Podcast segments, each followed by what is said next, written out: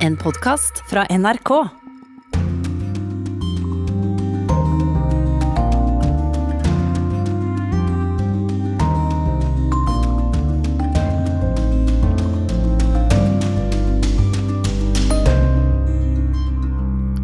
Et svensk og finsk Nato-medlemskap vil få reaksjoner, sier russisk UD i dag. Det er ei spennende helg for våre nordiske naboer, som ønsker å bli våre allierte. Krigen i Ukraina har flytta seg østover i landet.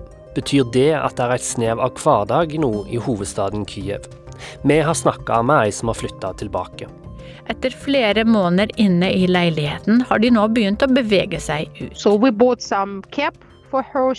Før måtte vi gjemme oss i kjelleren, nå er det ikke farlig lenger. Norge ble nylig rangert som verdens tryggeste land for journalister. Andre steder er virkeligheten helt annerledes.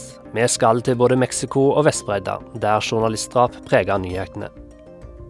Regjeringa kom med et rekordstort bistandsbudsjett denne veka, men likevel hagla kritikken. Jeg hadde aldri trodd at en norsk regjering kunne finne på noe sånt. Hva er det regjeringa har funnet på, og får bistandsbransjen svar på sine spørsmål når utviklingsministeren besøker Urix på lørdag? Vi skal også innom en mektig familie på Sri Lanka, kristne homofile i Frankrike og dansende barn i Tsjad, før vi avslutter med å åpne korrespondentbrevet fra Moskva, der den ganske så lovlydige Jan Espen Kruse har valgt å bryte flere av sine egne regler. I studio i dag sitter Vegard Kjørom. I Brussel møtes i dag utenriksministre fra hele Nato. De har mye å diskutere, spesielt etter at Tyrkias president i går sa at han synes det er feil å ta Sverige og Finland inn i forsvarsalliansen. Du følger med på dette fra Stockholm, Norden-korrespondent Joakim Reigstad, og i dag har det russiske utenriksdepartementet uttalt seg om et svensk og finsk medlemskap, og hva sier de? Ja, Dette er litt eh, urovekkende kan man si, eh, nyheter hvis man leser det med, med, den, med, med et blikk fra Stockholm og fra eh, Finland og Sverige. Fordi at Her snakkes det jo om hvilke reaksjoner som vil komme fra russisk side når, eller hvis, Sverige og Finland går inn i Nato. og Det snakkes jo bl.a. om reaksjoner dersom Finland skulle flytte tropper inn langs den russiske grensen. Det snakkes om en økt konflikt konflikt, konfliktområdet i nord, altså konfliktnivået der vil økes. Og så er det også selvfølgelig mange her nå som er bekymret for om dette kan bety at det er starten på en, en, en russisk agitasjon overfor Sverige og Finland. Men eh, det sies vel også eh, i både etterretningsrapporter og eh, det er heller ikke noe som tyder på at Kreml mener at det er et angrep som man skal frykte, men det er mer eh, en, en, form for motsvar på styrkeoppbygging, f.eks. hvis Nato velger å bygge opp styrker langs eh, grensen mot, mot, Russland. Som er en mulighet, i og med at Jens Stoltenberg har sagt at man ønsker å øke tilstedeværelsen i øst. og Nå får man den muligheten dersom Finland går inn i Nato, med å ha enda flere Nato-styrker nære Russland. Ja, og dette er en type nyheter som har fått mange svensker til å måtte ta stilling til hva de mener om eh, medlemskap i Nato. Du har vært ute en tur på gata og snakka om dette med to svensker og en norsk-svenske som var ganske god til å svorske. Det har jo vært litt her i Østersjøen i Sverige, så man tenker på det. Så Hvis du skulle summert opp den norske og den svenske siden av deg, så ville du kanskje landet på et ja til, til svensk Nato-medlemskap? Jeg ville nok gjort det, ja. Eh, på lang sikt så kan det være bra, for at det, det øker mer sikkerheten, og Nato inkluderer masse länder. Men eh, nå det, det finnes litt uro at eh, det skjer samme sak som har skjedd i Ukraina. Høyeste befalhaveren for Nato det er amerikansk general. Va? Og Da tenker jeg så her at om det går til helvete nå i neste valg i USA, va? og hvem kommer da å bli president der, som altså høyeste befalhaver da? Som kommer å bestemme over Nato. Personlig jeg ble litt mer urolig når jeg fikk høre at Sverige skulle gå med i Nato, for vi ligger ganske nære Russland. Ja, Joakim, vi hører at det både er uro for å bli for nær alliert med USA, og uro for å provosere nabolandet Russland.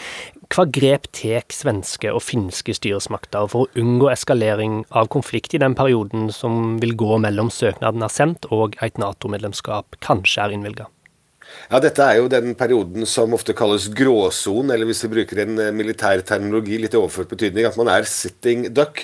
Fordi når, eller hvis, da vi må fortsatt ha de forbeholdene, hvis Sverige og Finland nå sender søknader, så har de på mange måter valgt side, men de er ikke omfattet av artikkel 5 i Nato-vedtektene. Altså det vil si at da kan det eh, teoretisk sett komme et angrep på svensk eller finsk jord eh, som man da ikke er beskyttet mot. Derfor arbeider nå svenske og finske myndigheter med å finne sikkerhetsgarantier. De har fått det fra Storbritannia bl.a. og fra Norden. Takk skal du ha, vår korrespondent i Stockholm, Joakim Reigstad.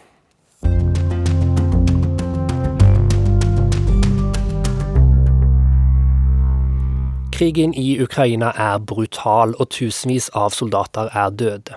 Likevel finnes det mange som vil verve seg til krigen. I den regimekontrollerte delen av Syria har hele 20 000 unge menn meldt seg til å være leiesoldater for Russland og Vladimir Putin. Kollega Mohammed Alayobi har snakka med en av dem.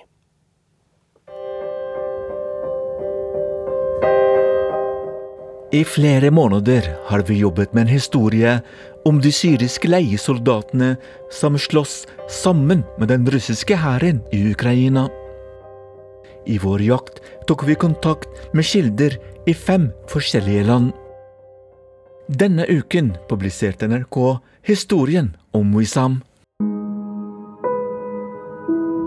ماجد من الموافقه بس على اول ما سمعنا اخبار انه على المصابين وشو صاير بالعالم Wissam er fra byen Homs i Syria. Han er 23 år gammel, gift og har tre barn. Han drømmer om et bedre liv etter noen måneders arbeid i krigen i Ukraina.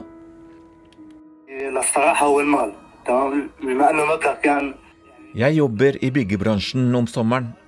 Vinterstid har vi ingenting å gjøre. Jeg har tenkt til å jobbe et halvt års i Ukraina, og så komme tilbake. 1000 dollar i måneden tilsvarer tre millioner syriske lire. Man må jobbe veldig hardt for å tjene 100 000 lire. Det er mye penger vi snakker om, forteller Wissam på telefon til NRK. الالاف الاشخاص اللي سجلوا الى الى الى اوكرانيا Det er tusenvis av unge menn som har meldt seg for å krige på russisk side i Ukraina. Det forteller Rea Maruf. Han er redaktør for nettavisen Soweida24 i Sørøst-Syria. I flere år har han laget saker om de syriske leiesoldatene.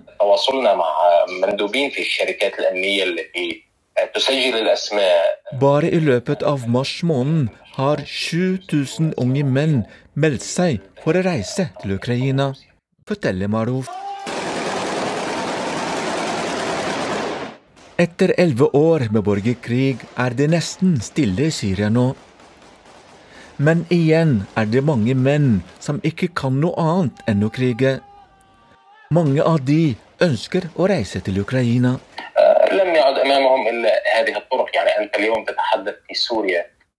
Dette handler om menn som mangler fremtidsutsikter. Den økonomiske situasjonen i Syria er veldig dårlig akkurat nå. Derfor velger mange å bli leiesoldater, forteller Maruf. Situasjonen i det krigsherjede landet beskrives som et helvete. Skildringene fra Ukraina vitner om død og ødeleggelse. Det er likevel hit hvis han vil. Ifølge organisasjonen Syrian Observatory for Human Rights ble over 20 000 syrere rekruttert til krigen i Ukraina.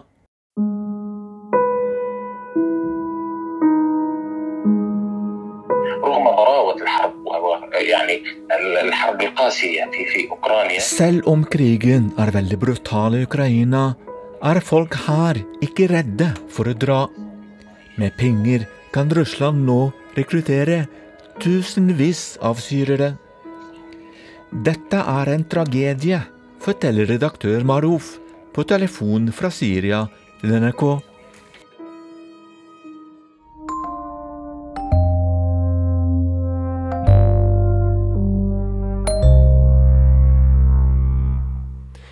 Krigen i Ukraina har gått over i en ny fase, og Russland gjennomfører stort sett angrep øst og sør i landet. Betyr det at hverdagen nå er på vei tilbake i hovedstaden Kyiv? Det kan iallfall verke slik når toppolitikere kommer på besøk og verdskjente artister tar turen for å holde konsert. Det var ikke akkurat en stadionkonsert da Bono, The Edge og ukrainske Antilla sang for en liten gruppe på en av Kievs metrostasjoner. Men den siste tida har byen begynt å komme tilbake til det vanlige også med nedsidene som hverdagslivet har å by på. Byen er igjen full av trafikkorker, og det er umulig å finne et sted å sitte på T-banen, forteller Julia Tjordio, opprinnelig fra Donetsk, nå på telefon fra Kiev. Da to millioner mennesker flykta fra byen, ble hun igjen. I know, I jeg har allerede vært flyktning i 2014, jeg orket ikke flykte igjen. Det føles som om Putin forfølger meg. Først i Donetsk i 2014, og nå i Kiev.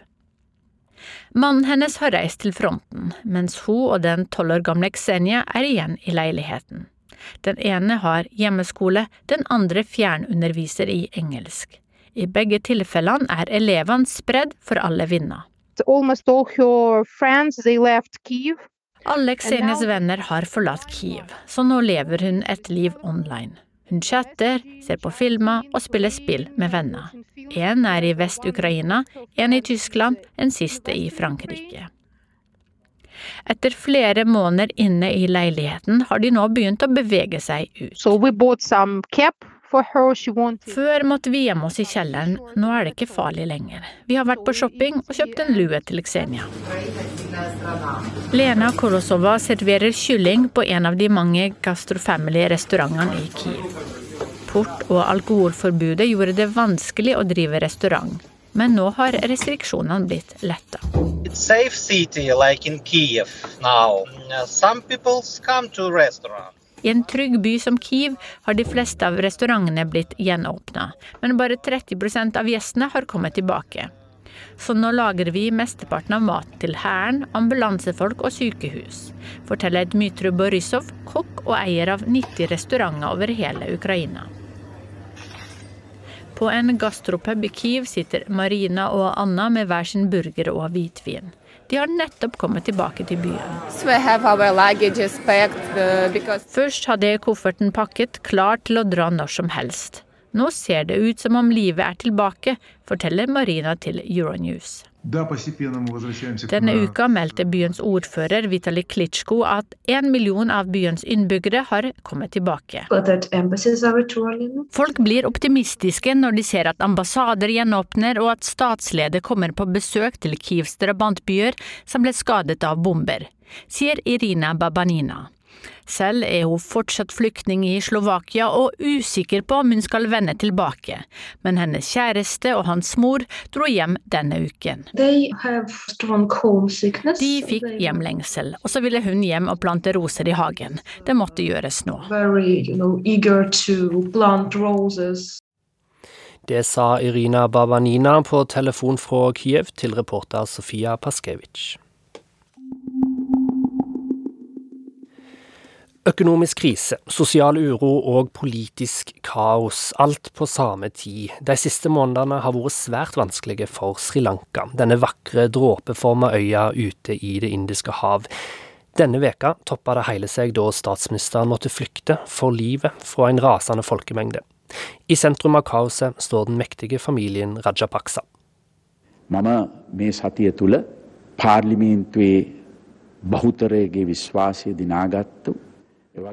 President Gotabaya Rajapaksa taler til nasjonen og lover at Sri Lanka skal få en ny statsminister. For mannen som egentlig var statsminister, har nettopp gått av. Nå gjemmer han seg på hemmelig sted fordi han er redd for sitt eget liv.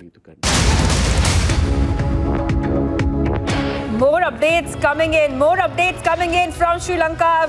Now the Rajapaksa family has fled to a navy base in eastern Sri Lanka where, where they have taken Statsministeren som rømte i hærens helikopter heter Mahinda Rajapaksa. Og ja, han er presidentens bror. I løpet av den siste måneden har til sammen fire ministre ved navn Rajapaksa blitt tvunget til å gå av. Storebrødre, lillebrødre, fedre og sønner. En finansminister, en landbruksminister, en sportsminister. Og til slutt altså en statsminister. So they are very powerful. They became very powerful for a simple reason because Sri Lanka was on a civil war for 30 years.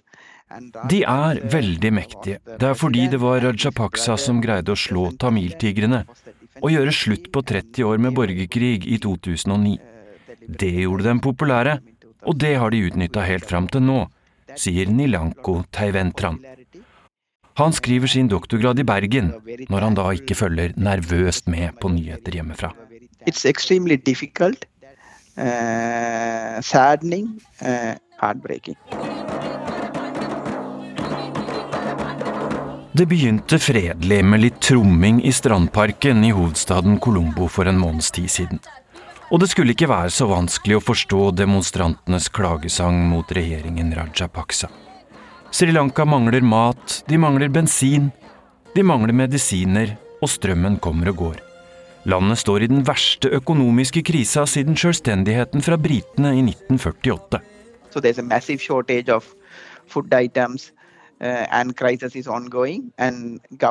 Maten kommer ikke fra landsbygda inn til byene, og det går ikke an å importere noe fra utlandet lenger heller, forteller Nilanko. Økende oljepriser, høy utenlandsgjeld og et forsøk på å gjøre seg populær med dyre skatteletter har rett og slett tømt statskassa.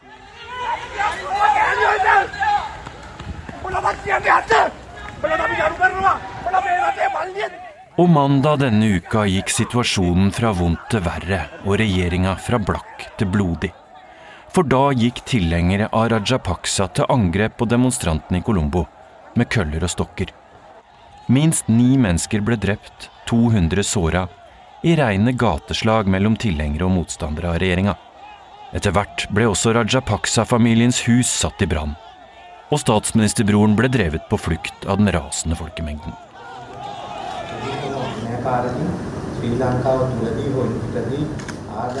Torsdag skulle i alle fall tilsynelatende alt være i orden igjen.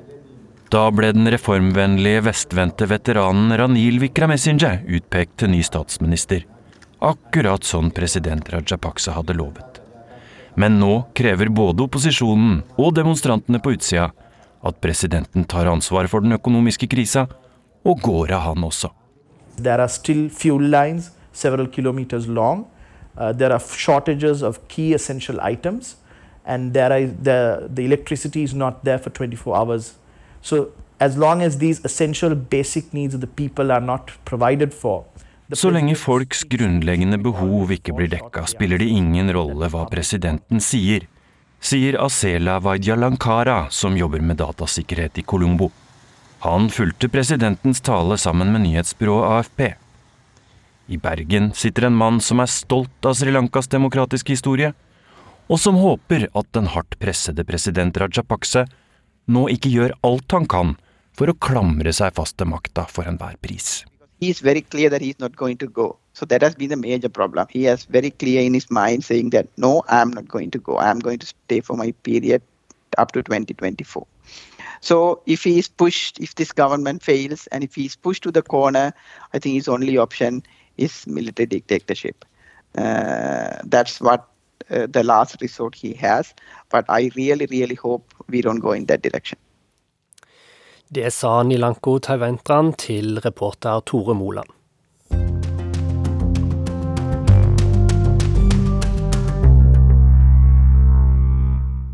Tenk deg at du måtte velge mellom å gi mat til en flyktning i Kongo eller sikre skolegang til ei jente i Afghanistan. Det er et eh, brutalt dilemma, mellom to veldig viktige saker som faktisk kan handle om liv og død for en annen person. Men pengene strekker ikke alltid til, og derfor må det bli gjort prioriteringer. Og det er nettopp denne type dilemma og prioriteringer som det norske bistandsbudsjettet til sjuende og sist handler om. Og det budsjettet det er ditt ansvar, utviklingsminister Anne Beate Tvinnereim. Velkommen til Urix på lørdag. Tusen takk. La meg starte med å slå fast noe som du helt sikkert er lysten på å få sagt, og det er at bistandsbudsjettet som regjeringa la fram på torsdag, er rekordstort. Likevel har du fått eh, masse kritikk de siste dagene, og det er bl.a. fordi Norge nå er tilbake som den største mottakeren av norsk bistand. Det er krigen i Ukraina som fører til dette, og regjeringa skal bruke bistandsbudsjettet til å betale for en del av utgiftene til bosetting av ukrainske flyktninger her i landet. Og dermed må de kutte bistand andre steder i verden. Vi kunne ha plaga lytterne med mange tall og statistikker, men vi skal holde oss til ett tall, og det er 2,3 milliarder kroner. Det er den summen som nå blir kutta i internasjonal bistand, altså bistand utenfor Norge. Det er en reduksjon på over 5% sammenlignet med for et halvt år siden. Og Bistandsbransjen de kaller deg for en budsjettaper, og det har blitt eh, sagt at Norge sender en stor del av regninga for Europas flyktningkrise til verdens aller fattigste. Er denne kritikken for bistandsbransjen fortjent, synes du? Jeg, eh, jeg deler jo bekymringene med kollegaer i utviklingsverden der ute, fordi at vi ser jo at behovene globalt øker. Eh, vi la fram et stramt revidert nasjonalbudsjett. Innenfor det må vi gjøre noen uh, kjempevanskelige prioriteringer. Og så er det jo sånn at Norge fortsatt er uh, et land som gir svært mye bistand målt i forhold til økonomien og befolkningens størrelse. Men Oppgaven min er da dessverre å prioritere mellom veldig, veldig viktige og gode formål. Eh, og da har jo vi sagt at eh, vi skal til tross for omdisponeringer, klare å eh, prioritere matsikkerhet og kampen mot sult. Og grunnen til det er jo at vi ser at krigen i Ukraina får globale konsekvenser for matsikkerheten. Ukraina er verdens kornkammer, og vi ser at eh, matprisene nå i veldig mange utviklingsland øker så dramatisk at eh, mange titalls millioner mennesker kastes ut i sult. Så det er ett område vi klarer å skjerme i RNB. Bistandsorganisasjonene har altså stått i kø for å kritisere deg, og vi har snakka med noen av dem og spurt dem om å sende inn spørsmål til deg. Vi starter med Arvin Gadgil, som leier den norske avdelinga til UNDP. Det er FN sitt eget utviklingsprogram, og de jobber for å få til langsiktig utvikling. Men nå skal de få 440 millioner kroner mindre fra Norge, og det er de naturlig nok kritiske til. Kjære utviklingsminister, kjære Anne Beate Tvinnereim. Vet du hva, Nå skal jeg være ærlig med deg og si at jeg er i sjokk. Jeg hadde aldri trodd at en norsk regjering kunne finne på noe sånt. Og bare utradere hele kjernestøtta til FNs viktigste utviklingsorganisasjon, FNs utviklingsprogram. En organisasjon som er størst på bakken i Ukraina, responderer på så godt som alle kriser i verden, og er ekstremt viktig i koordinering av nødhjelp og langsiktig utviklingshjelp. Jeg har fått mange reaksjoner på kryss av organisasjonen vår fra alle verdensdeler. Det er ingen som nesten tror det de hører. At Norge, en så forutsigbar partner til FNs utviklingsarbeid, plutselig over natta, uten forvarsel, sletter hele kjernestøtta. Så mitt spørsmål til deg, Anne Beate, er hvorfor hele kjernestøtta, og hvorfor nå? Ja, Hva svar har du til Gadgil? Nei, Jeg må jo igjen minne om at grunnen til at vi er nødt til å gjøre omdisponeringer på budsjettet, er jo fordi at vi skal ta godt imot ukrainske mennesker på flukt. ikke sant? La oss nå eh, huske det. Og så handler jo ikke disse omprioriteringene om at UNDP og andre FN-organisasjoner ikke leverer godt på bistand, for det gjør de i høyeste grad, og de er jo fortsatt våre viktigste samarbeidspartnere. Eh, og så eh, prøver vi å gjøre dette på en nennsom måte. Når det gjelder konkret UNDP, så er det jo sånn at ja, vi må dessverre gjøre noen kutt i kjernestøtten, men UNDP får fortsatt uh, betydelige norske bistandsmidler over andre budsjettposter. Så eh, bare eh, Vi skal ikke være for tekniske her, men, men det er da sånn at eh, i 2021 f.eks. så fikk UNDP om lag 1 milliard kroner fra Norge. Det var bare en ja, litt over en tredjedel av det som var kjernestøtte, fordi at de også får støtte over andre budsjettposter. Men i tillegg til UNDP så får også Unicef og UN Women eh, kutt eh, i si støtte. Betyr disse kutta til ulike FN-organisasjoner at eh, Norge nå er på vei bort fra de fine ordene som ble brukt da en drev valgkamp for å komme inn i Tryggingsrådet, og kalle Norge for en trufast partner til FN sitt arbeid? Nei, og vi er fortsatt en stor og trofast eh, partner til FN. Eh, jeg forstår at kuttet oppleves dramatisk. Eh, vi håper jo at denne situasjonen er forbigående, og at vi får kjernestøtte til disse organisasjonene opp på et akseptabelt nivå igjen. En annen FN-organisasjon som opplever kutt, er FNs høykommissær for menneskeretter, som har mista halvparten av støtta si fra, den norske bistanden. I tillegg blir støtta til menneskerettspotten i bistandsbudsjettet redusert med 136 millioner kroner. Dette er noe som Amnesty og deres sjef eh, for avdelinga for politikk og samfunn, Tale Birkeland Hungnes, er kritisk til. Norsk bistand kan ikke forandre verden. De eneste som kan få til det, er de mange og modige menneskene som står opp mot fattigdom, urett, regnskogbranner og autoritære statsledere i egne land. Det er disse menneskerettighetsforsvarerne norsk bistand må spille på lag med. Og nå har altså Putins krig fått den norske regjeringen til å kutte støtten til menneskerettighetsforsvarere med over 20% Hva vil du, Anne Beate Tvinnereim, gjøre for å få snudd dette kuttet? Hva svar har du til Amnesty? Nei, Svaret er at uh, dette, dette, er kjempekrevende. Menneskerettighetene er under press i store deler av verden, og vi ser det også tydelig i, i vår del av verden. Men igjen, vi har måttet gjøre noen tøffe prioriteringer på budsjettet, men vi skal fortsatt bruke over en halv milliard kroner på målretta menneskerettighetstiltak. Og selv med den reduksjonen vi dessverre måtte foreta oss nå, så vil arbeidet på alle de prioriterte områdene innafor menneskerettighetssatsinga fortsette. Det handler bl.a. om ytringsfrihet, om å beskytte menneskerettighetsforsvarere og, og eh, seksuelle minoriteters eh, menneskerettigheter, som har vært høyt politisk prioritert fra regjeringen. Mm. Til sist skal vi innom ei krise vi har hørt mye om de siste åra, nemlig koronapandemien. Og det er en pandemi som en fremdeles merker godt i mange land rundt omkring i verden. Og det har òg ført til at barn har blitt eh, tatt ut av skoler i ett og kanskje to år i enkelte land. Nå kutter eller Regjeringa har kutta stort i ehm, støtta til utdanningsbistand. Eh, som du sa tidligere, så, så prioriterer det mattrygghet, som også er viktig. Men utdanningsbistand det er et eh, tema som tidligere KrF-politiker og nå generalsekretær i Strømmestiftelsen Erik Lunde er opptatt av. Veien ut av fattigdom starter første skoledag. Det ser vi i alle landene der vi jobber. I mange land så har skolene vært stengt under pandemien. Millioner har droppa ut av skolen. Læringstapet har vært enormt.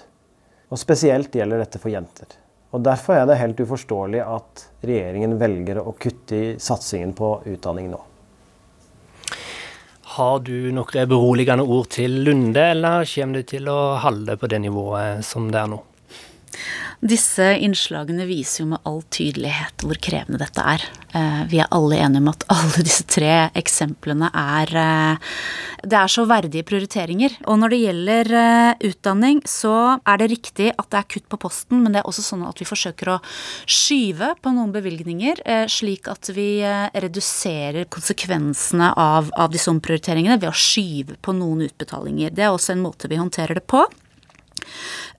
Og vi oppretter vi opprettholder inngåtte avtaler, eh, slik at vi gjør dette så skånsomt som mulig.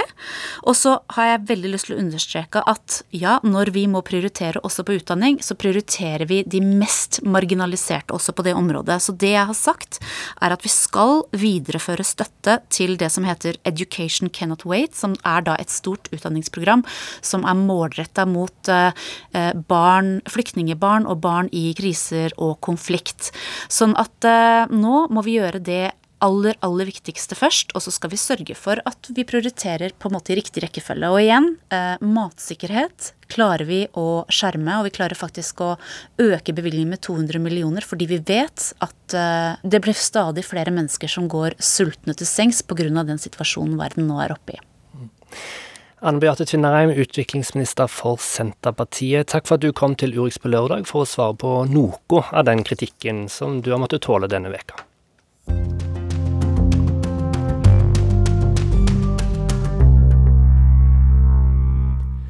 Her i et studio i Oslo sitter jeg trygt, men for journalister i en del andre land er hverdagen ganske annerledes. Vi skal nå til landet som er det aller farligste landet for journalister, nemlig Mexico. Narkokarteller i landet har mye makt, og senest denne veka drap de to journalister i byen Veracruz. Det skaper sinne og demonstrasjoner. Ikke en til, ikke en til. Det ropte journalister da de deltok i en protestmarsj mot de mange drapene på kollegaer i landet. Ropene er fra torsdag 5. mai. De protesterte mot drapet på journalisten Luis Enrique Ramires. Han ble funnet skutt og drept på en støvete landevei i Sinaloa. Sinaloa er kjerneområdet til den notoriske narkokongen Joaquin El Chapo Guzman. Men det ble ikke bare én til, men to nye drap denne uka. To kvinnelige journalister ble skutt og drept da de satt i en sølvgrå liten Ford utenfor et kjøpesenter i Veracruz mandag i denne uka. På åstedet tar fotografer bilder av kjøretøyet før en kranbil fjerner bilen. Nyhetsbyrået Reuters er til stede og snakker med Victor Hugo Gomez, som er leder for journalistlaget i Veracruz. México es un país de gran peligro para quienes desempeñamos las tareas periodísticas. Así que ahí está para el gobierno otro caso más. Mexico er et farlig land for oss som jobber som journalister, sier Gomez. Han ber myndighetene gjøre alt for å granske drapet på de to kvinnene, Yesenia Molinedo Falconi og Sheila Garcia. I et kapell i Veracruz er kollegaer og pårørende til en av de drepte, Yesenia Molinedo Falcone, samlet. Mellom blomsterkranser, stearinlys som brenner, og bildet av den døde snakker noen lavmælt ved kisten. Nyhetsbyrået Associated Press har kontakt med broren hennes utenfor kapellet puesto que siempre nos estaba narrando que hace 15 días For 15 dager siden fortalte hun om drapstrusler. Noen hadde ringt, og en stemme sa at de ville drepe henne, sier Ramiro Molinedo Falconi. Eh.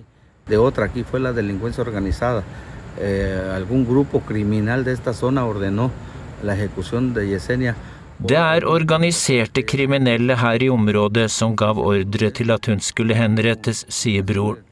Det skjer pga. artikler hun jobber med, legger han til.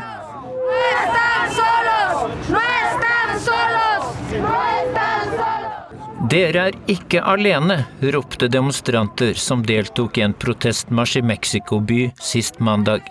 De bærer bilder av Yesenia Molinedo Falconi.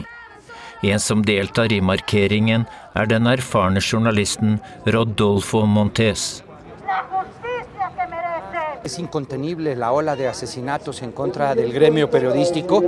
Hoy, justo cuando estamos realizando este meeting aquí en la Ciudad de México Bølgen av journalistdrap er ute av kontroll, sier han til nyhetsbyrået Reuters. No hay garantías, el Estado mexicano no está pro proporcionando las garantías para que podamos ejercer con libertad nuestro ejercicio periodístico en territorio mexicano. Vi har ingen garantier. Myndighetene gir oss ikke den sikkerheten vi trenger for å kunne jobbe som journalister her, sier Rodolfo Montes.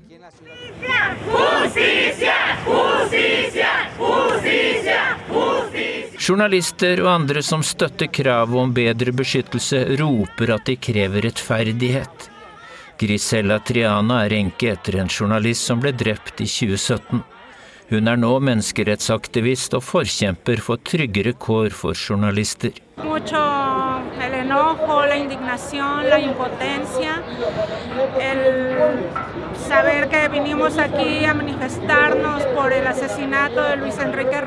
Det er mye sinne, indignasjon og apati blant mange i mediene, sier Triana. Hun forteller at de forberedte en protestmarsj etter at journalist Luis Henrique Ramires ble funnet drept tidlig i mai. Det at to til ble drept i denne uka, er nesten ikke til å holde ut, sier hun. Journalister og andre støttespillere roper ikke en til. Men de vet at det vil komme flere drap i ukene og månedene som kommer. Ifølge Reporter uten grenser er Mexico og Myanmar verdens farligste land å være journalist i.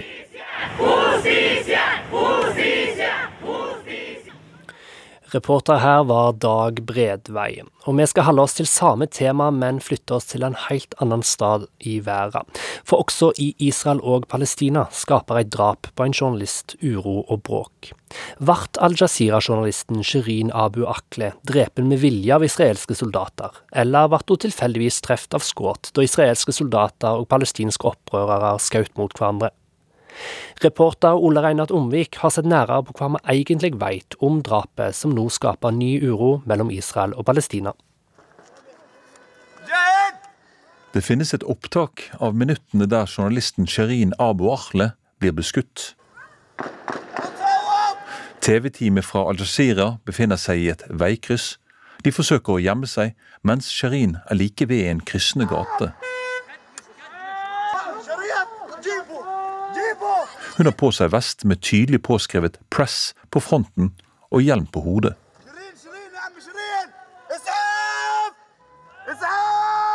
«51 år gamle Sherin hadde dekket konflikten mellom palestinere og israelere siden 1997, og var regnet som en av Midtøstens mest erfarne feltjournalister.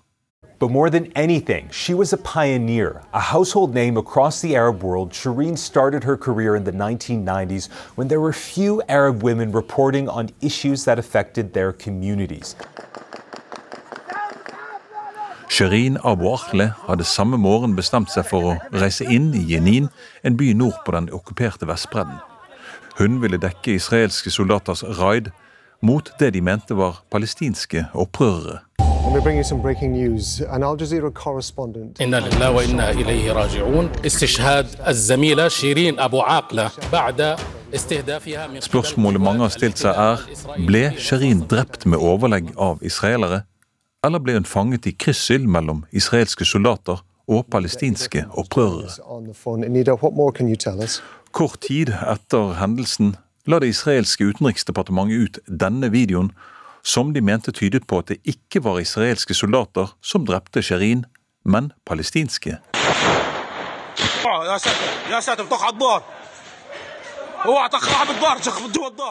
Videoen viser en palestiner som skyter mellom to hus. Samtidig gikk den israelske statsministeren ut med en melding om at Sherin sannsynligvis ble drept av palestinske opprørere. Men etter uttalelsen dro Betselem, en israelsk menneskerettighetsorganisasjon, selv inn og undersøkte stedet der palestinerne på videoen hadde skutt fra. De konkluderte med at Sherin neppe kunne blitt truffet av kulene fra den palestinske soldaten. Palestineren hadde vært på et helt annet sted enn der Sherin ble drept. Uh, B'Tselem says that they have their own evidence uh, which categorically denies any suggestion that uh, Shireen could have been shot uh, by uh, these Palestinian assailants as it was initially described, which could perhaps explain why Israel's narrative is shifting. Etter dette modererte israelske myndigheter sin uttalelse, og den israelske forsvarsministeren lovet at Israel skal sette i verk en undersøkelse av hendelsen. Men denne vil ikke palestinerne godta. We call for an immediate and thorough investigation and full accountability. Ned Price i USAs utenriksdepartement krevde torsdag en uavhengig granskning av hendelsen. Det samme gjorde lederen for det internasjonale presseinstituttet i Wien, Barbara Trionfi. It also comes um, at a time when we have seen an increase in the killings of journalists around the world, precisely this year. I et intervju med Al Jazeera i går sa hun at hun er bekymret for utviklingen for palestinske journalister på Vestbredden og i Gaza. In the, uh, in the West Bank and Gaza, so against Palestinian journalists in particular. Da Shirin skulle begraves i går, forsøkte israelsk opprørspoliti å spre det palestinske begravelsesfølget med batonger og knallbomber. TV-bildene fra hendelsen viser at mennene som bærer kisten med Shirin oppi, nesten mister den i bakken. Det er lite som tyder på at uroen etter Shirins død vil legge seg med det første og gårsdagens angrep på gravfølget, som vi hørte om her på tampen av saka, blir fordømt av både FN, USA og den norske ambassadøren Kåre Aas, som sier at han er sjokkert over å se videoen der israelske soldater sparker og slår mot gravfølget, og de som ber kista til Shirin Abu Akle. Israels politi har forklart at soldatene gjorde dette fordi de ble kasta stein på, og fordi flere av de frammøtte viste fram palestinske flagg, noe som Israel har gjort ulovlig.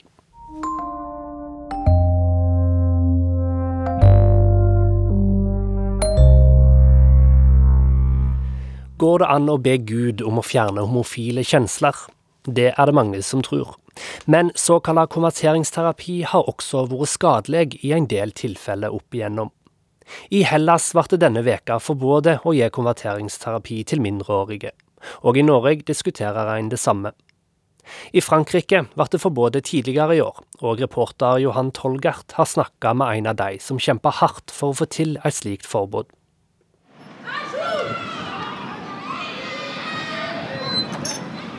Ça veut dire qu'il y a quelque chose d'officiel, tu vois, quand un prêtre met une aube, une étole, ces milieux qui considéraient l'homosexualité comme une possession démoniaque, effectivement. Ouais. Donc il fallait m'en libérer quelque part. Prästen bar sin långa vita prästkåpa och kom sakta ner från kyrkans altare. Vem som helst hade känt respekt och rädsla för hans makt, säger 57-årige Jean-Michel Dunant. Il priait avec cette formule officielle du, de l'exorcisme. Som ung blev Jean-Michel religiøs og søkte seg til alternativa katolske forsamlinger i både Frankrike og Schweiz. Da han kjente skuld for sin homofili avslöjade han sin seksuelle legning for oui. Under demonutdrivelsen siklet jeg ur munnen og skrek som en besatt. Mon corps s'agitait, j'étais dans des convulsions, euh, crier, hurler, s'agiter, etc. Plötsligt tog prästen tag i mina armar och band fast händerna med lärreremmer i en säng. Jag var livrädd och kunde inte ta mig loss, berättar han. Han var då 25 år gammal. Et effectivement, comme j'étais agité, on m'a attaché effectivement sur un lit. Vi sitter på en bänk utomhus. Det är vår i Paris.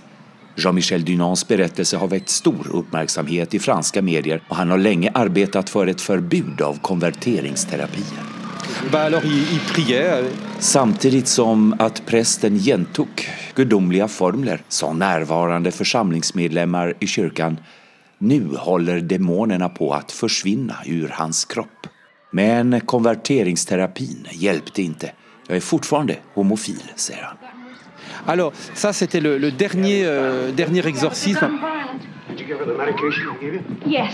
Her et utdrag ur filmen Exorcisten fra 1973.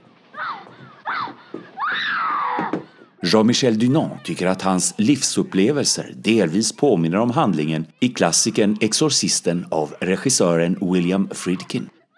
Filmen handler om hur katolska präster driver ut en demon ur en besatt jänta. Exorcisten har valts till den tredje värsta skräckfilmen i historien. Frankrike har nyligen godkänt en lov som förbjuder konverteringsterapi när det gäller att ändra en persons sexuella läggning från homo eller bisexualitet till heterosexualitet. Loven förbjuder även konverteringsterapi när det kommer till könsidentitet. Den som i framtiden bryter mot loven kan dömas till mellan to och tre års fängelse och böter till mellan 300 000 och 450 000 kronor. Non, l'homosexualité et la transidentité. Elisabeth Moreno, likestillningsminister med ansvar för könspolitik, säger att det inte ska vara kriminellt att vara sig själv. Être soi n'est pas un crime. På grund av konverteringsterapi har människor blivit misshandlade, våldtagna och lemlästade förklarar Benoit Monchot, terapeut og psykologistudent i Lyon og som jeg når på telefon. Oui, j'appelle ça un traumatisme d'extermination. Un échec ou une manque de, un manque de considération de, de la souffrance. Terapeuten Benoit Monchot påpekar att konverteringsterapi finns i så gott som alla länder. Han menar att offren upplever något som han kallar utryddelsetrauma. Metoden har inte någon annan uppgift än att utreda människans själ, säger han. D'extermination. Et en fait, c'est des, des, traumas qui ont pour vocation de briser la personne et de l'anéantir. Sedan flera år lever Jean-Michel Dunant med sin partner och arbetar som vaktmästare på en katolsk skola i Montpellier i södra Frankrike. Han är fortfarande religiös.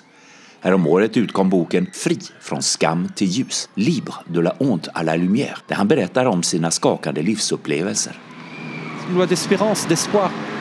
Jean-Michel Dunant är stolt över det franska förbudet. Hoppas att andra länder, som Norge, tar samma beslut, säger han. Il faut que la, Norvège aussi emboîte le pas et interdise les thérapies de conversion.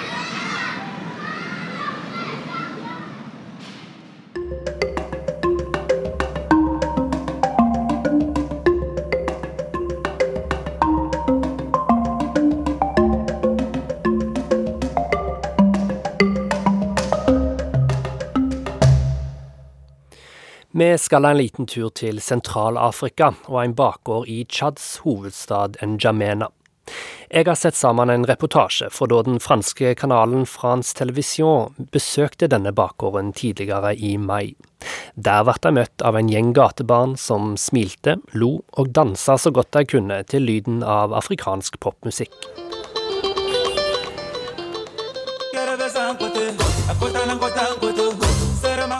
Du ser det kanskje allerede for deg. Musikken dunker, og en gjeng afrikanske barn og unge står på rekke og rad og danser i takt. De eldste står bakerst og ser nærest ut som profesjonelle dansere, mens de yngste som står framfor, gjør alt de kan for å henge med i dansen. Dansen er til god hjelp for barna som har mye de skal tenke på i hverdagen.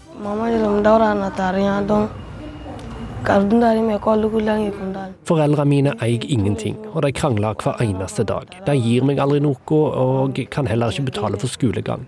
Så det er derfor jeg går på gata her i N'Djamena, forteller en av guttene på dansesenteret. Det vesle dansesenteret er et tilbud til barn som lever på gata i N'Djamena. Ekstrem fattigdom er noe 40% av folk i Tsjad må leve med. Mange av de dansende barna kommer fra slike fattige kår, og mange av dem har også opplevd vold i heimen.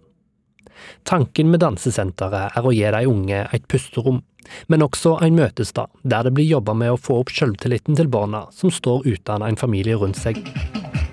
C'est ce sourire, c'est cette joie qui déclenche vraiment quelque chose envers ces enfants. Se på alle smilene og gleden til disse barna. Vi bruker dansen til å få barna til å stole på oss. De forteller oss om det de tenker på, og de forklarer hvorfor de lever på gata, sier Aleva Ndavogo Jude, som er initiativtaker til prosjektet som har fått navnet Dakona Espoir. Han er en av de som oppsøker gata i Njamena og snakker med gatebarna og inviterer de til dansesenteret.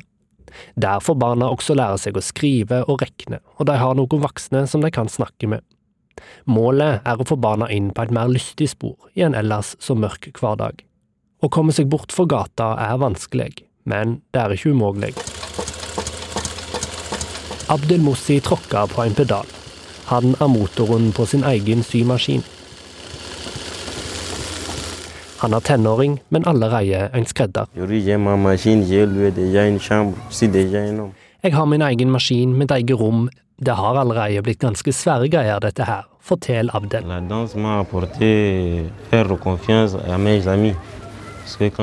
Hans liv som skredder starta egentlig med dans, for han kom til senteret for å danse. Og der fikk han sjøltillit nok til å starte sin egen vesle bedrift, forteller Abdelmossi. Og det er slik de jobber i denne organisasjonen. Gatebarn er ikke noe uvanlig syn i afrikanske storbyer. Spesielt i de fattigste landene mangler det offentlige tiltak for å hjelpe disse barna. Dermed er de ofte avhengige av at frivillige trår til for å hjelpe. Det er langt for alle de frivillige som har noe sosionomutdanning, så da må en bruke de egenskapene en har, og tenke annerledes. Slik som i N'Djamena, der en profesjonell danser har invitert gatebarna inn i et fellesskap, som kanskje kan skape litt håp og en ny retning i livet.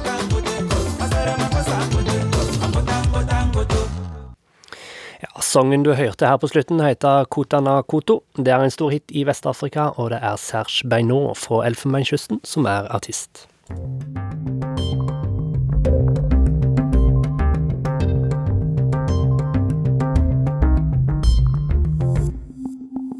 Vi skal åpne denne ukas korrespondentbrev, som er skrevet av Jan Espen Kruse i Moskva.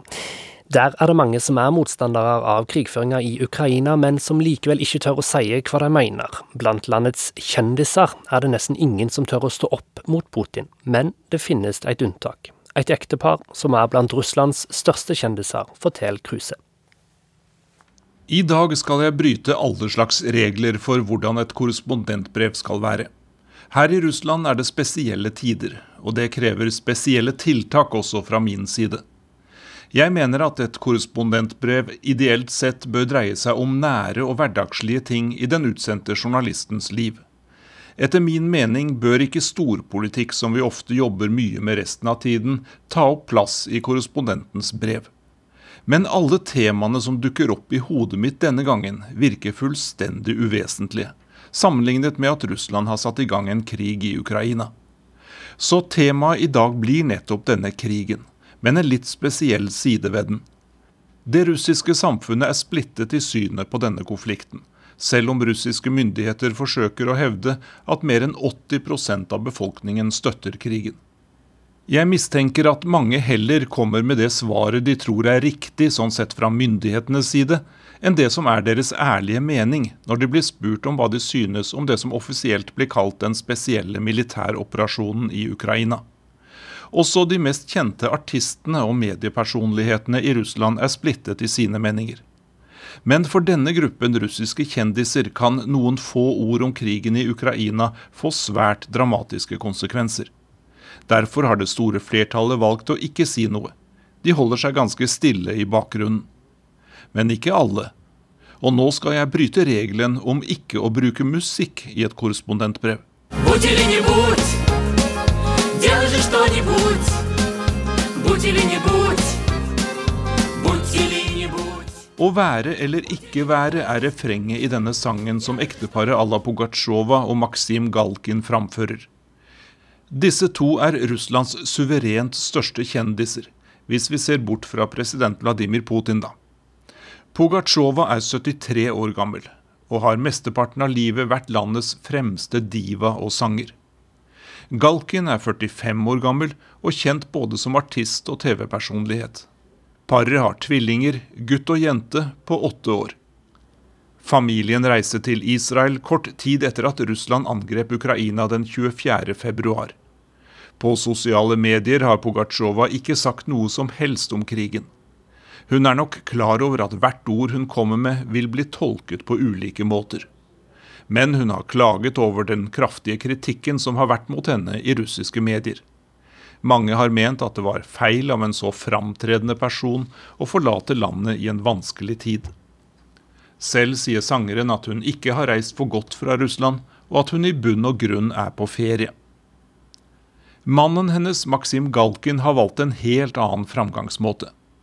Og nå skal jeg bryte en annen regel for korrespondentbrev ved å gi deg et lydkutt В таком количестве страшных вещей э, виновата Россия, Maxim Galkin legger ut videoer på sosiale medier der han anklager russiske myndigheter for å være skyldige i grusomheter i Ukraina.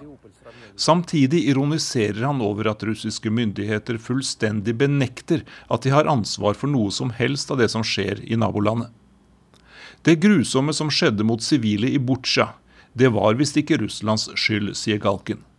Heller ikke at byen Mariupol i Sør-Ukraina er jevnet med jorda.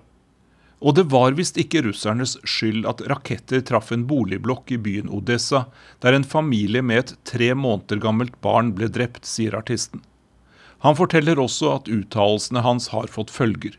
Myndighetene skal ha nedlagt forbud mot å vise TV-reklame der Galkin deltar.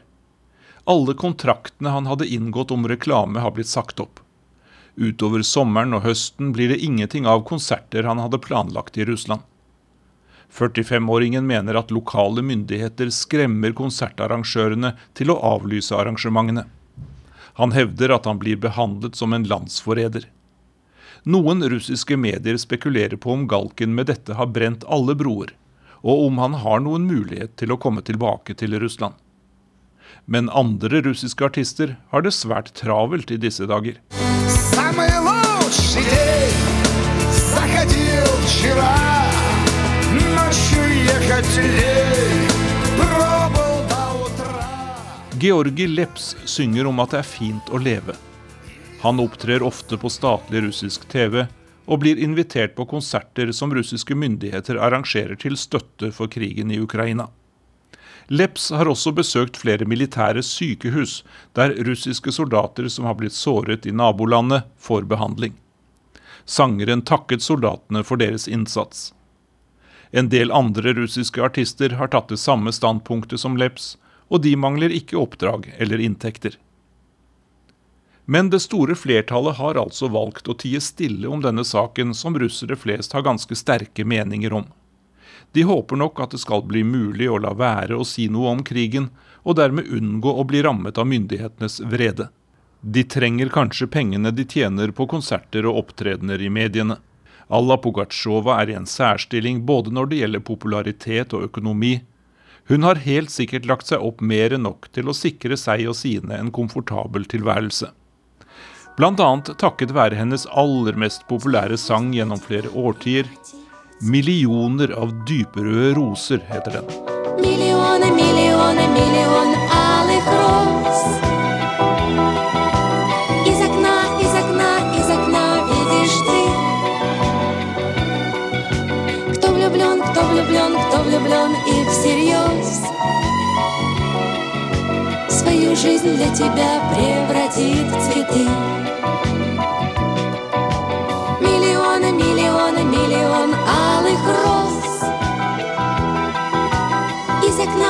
окна, из окна, из окна видишь ты Da gjenstår det bare å takke for at du lytta til Urix på lørdag. Skulle du bli nysgjerrig på hva som skjer med Sverige og Finlands Nato-søknader gjennom helga, så finner du alt det du trenger på nrk.no. Teknisk ansvarlig i dag var Eli Kyrkjebø, produsent Arild Svalberg, og i studio var jeg, Vegard Kjørom. Du har hørt en podkast fra NRK. Hør flere podkaster og din NRK-kanal i appen NRK Radio.